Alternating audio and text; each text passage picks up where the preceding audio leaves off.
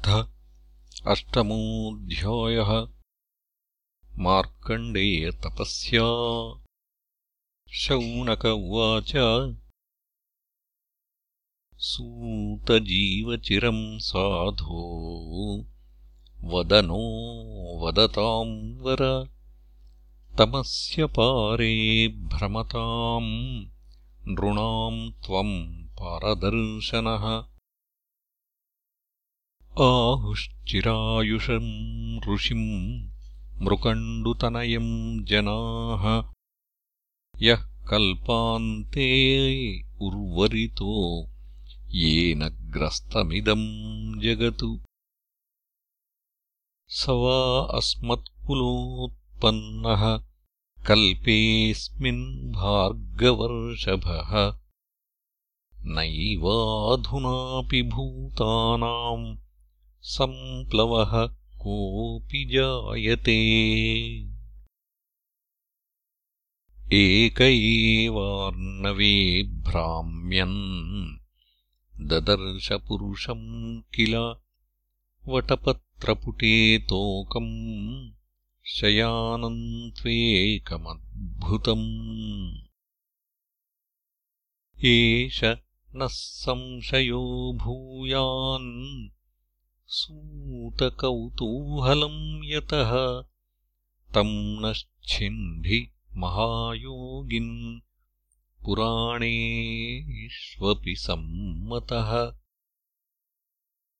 सूत उवाच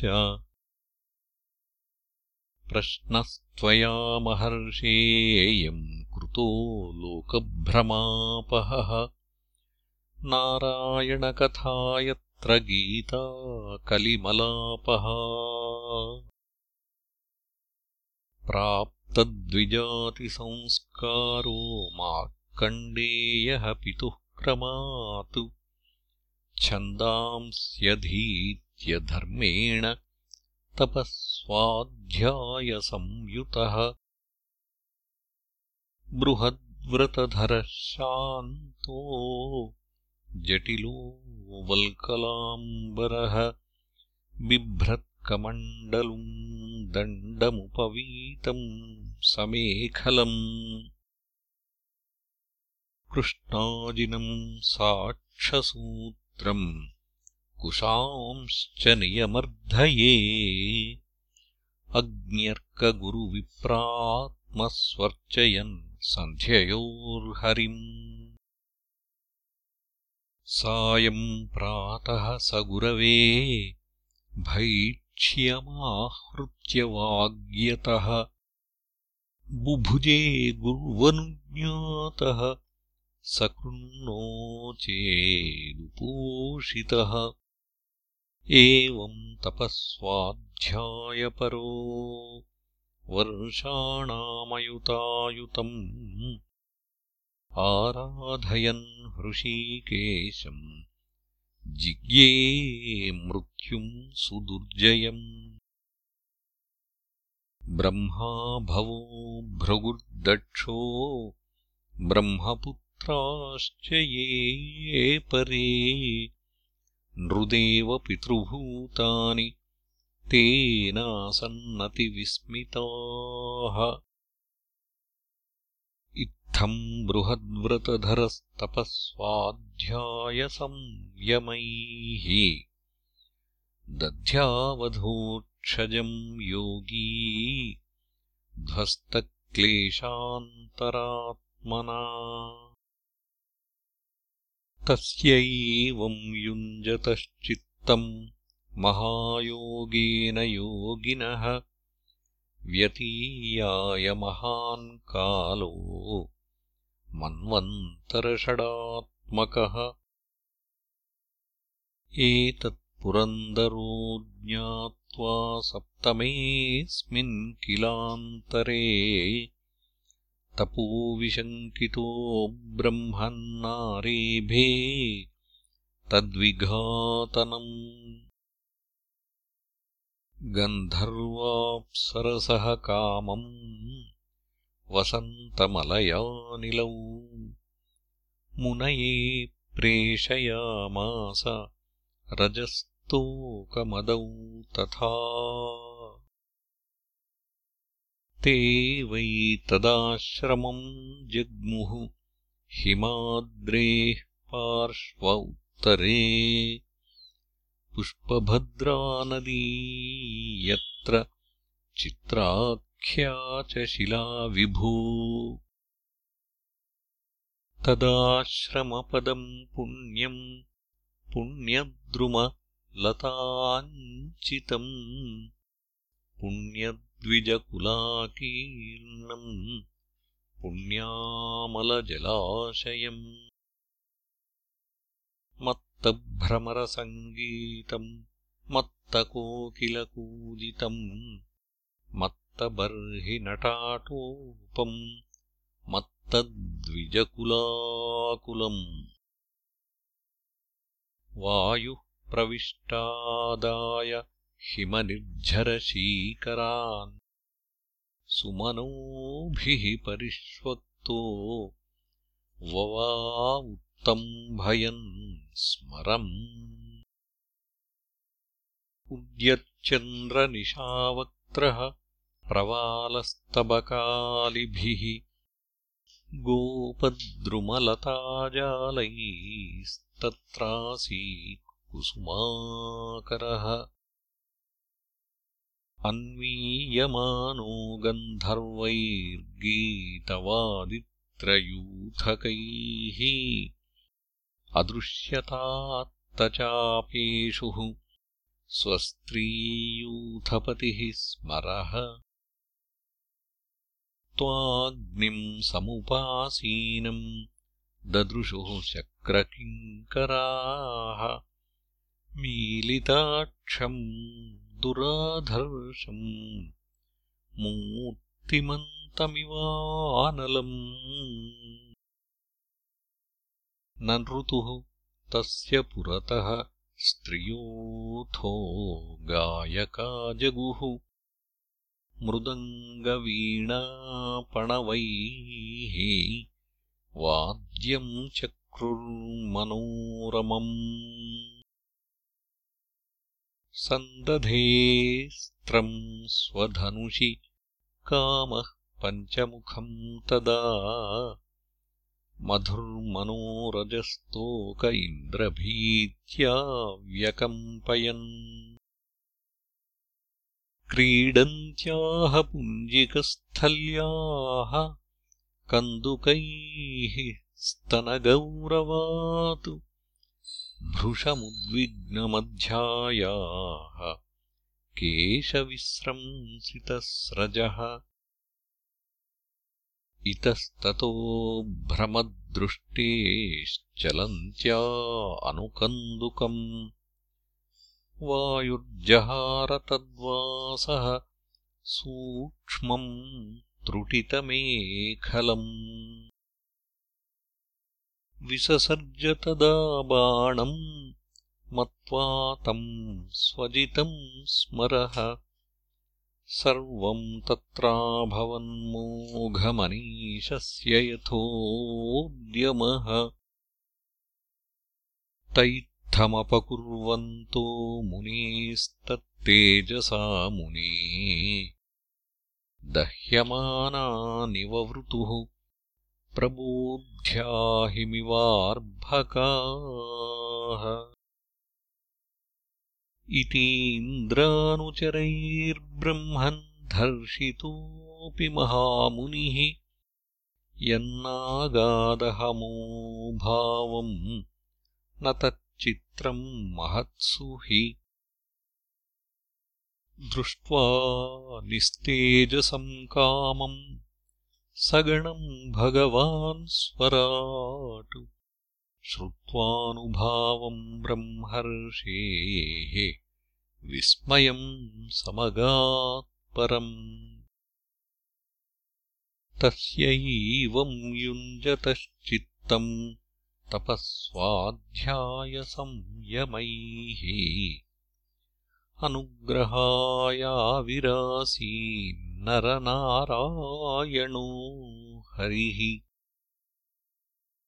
तौ शुक्लकृष्णौ नवकञ्जलोचनौ चतुर्भुजौ रौरवल्कलाम्बरौ पवित्रपाणी उपवीतकम् त्रिवृत्। कमण्डलुम् दण्डमृजुम् च वैणवम्। पद्माक्षमालामुतजन्तुमार्जनम्। वेदम् च साक्षात्तप एव रूपिणौ तपत्तटिद्वर्णपिशङ्गरोचिषा प्रांशूदधानौ विबुधर्षभार्चितौ ते वै भगवतो रूपे नरनारायणावृषी दृष्ट्वोत्थायादरेणोच्चैर्ननामाङ्गेन दण्डवत् स तत्सन्दर्शनानन्दनिर्वृतात्मेन्द्रियाशयः हृष्टरोमाश्रुपूर्णाक्षो न सेहेता उदीक्षितुम् उत्थाय प्राञ्जलिः प्रह्व। औत्सुक्यादाश्लिषन्निव। नमो नम इतीशानौ बभाषे गद्गदाक्षरः। तयोरासनमादाय पादयोरवनिज्य च अर्हणेनानुलेपेन धूपमाल्यैरपूजयतु। सुखमासीनमासीनौ प्रसादाभिमुखौ मुनिः पुनरानम्यपादाभ्याम् गरिष्ठाविदमब्रवीत्। मार्कण्डेय उवाच किम् वर्णये तव विभो यदुदीरितोऽसुः?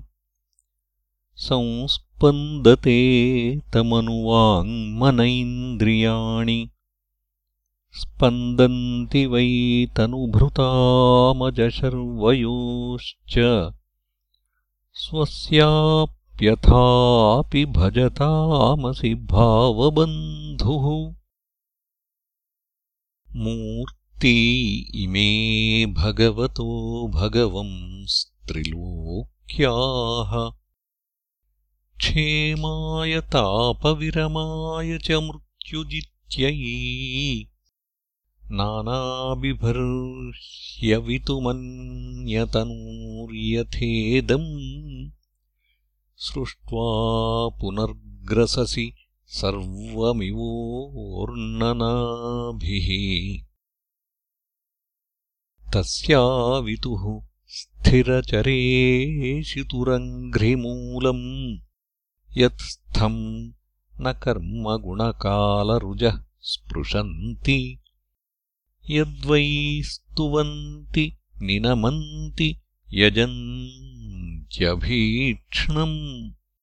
ध्यायन्ति वेदहृदया मुनयस्तदाप्त्यै।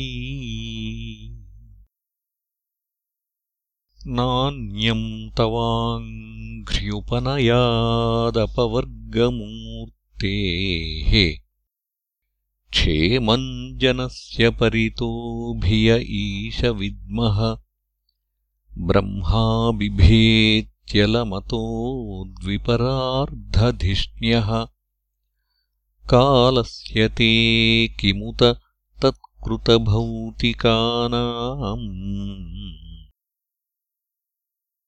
तद्वै भजाम्यृतधियस्तव पादमूलम् हित्वेदमात्मच्छदि चात्मगुरोः परस्य देहाद्यपार्थमसदन्त्यमभिज्ञमात्रम् विन्देत ते तर्हि सर्वमनीषितार्थम्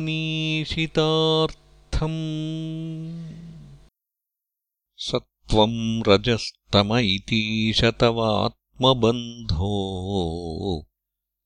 मायामयाः स्थितिलयोदयहेतवोऽस्य लीलाद्धृता यदपि सत्त्वमयी प्रशान्त्यै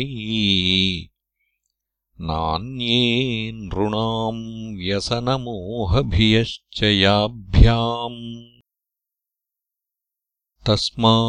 तस्मात्तवेह भगवन्नथ तावकानाम् शुक्लाम् तनुम् स्वदयिताम् कुशला भजन्ति। यत्सात्वताः पुरुषरूपमुशन्ति सत्त्वम्। लोको यतो भयमुतात्मसुखम् न चान्यत् तस्मै नमो भगवते पुरुषाय भूम्ने विश्वाय विश्वगुरवे परदेवतायै नारायणाय ऋषये च नरोत्तमाय हंसाय संयतगिरे निगमेश्वराय। यम् वै न वेद वितथाक्षपथैर्भ्रमद्धीः। सन्तम् स्वखेष्वसुषु हृद्यपि दृक्पथेषु। तन्माययावृतमतिः स उ एव साक्षात्। आद्यस्तवाखिलगुरोरुपसाद्यवेदम् यद्दर्शनम् निगमात्मरः प्रकाशम् मुह्यन्ति यत्र कवयोजपरायतन्तः तम् सर्ववादविषयप्रतिरूपशीलम्। वन्दे महापुरुषमात्मनिगूढबोधम्। इति श्रीमद्भागवते महापुराणे पारमहंस्याम् संहितायाम् द्वादशस्कन्धे अष्टमोऽध्यायः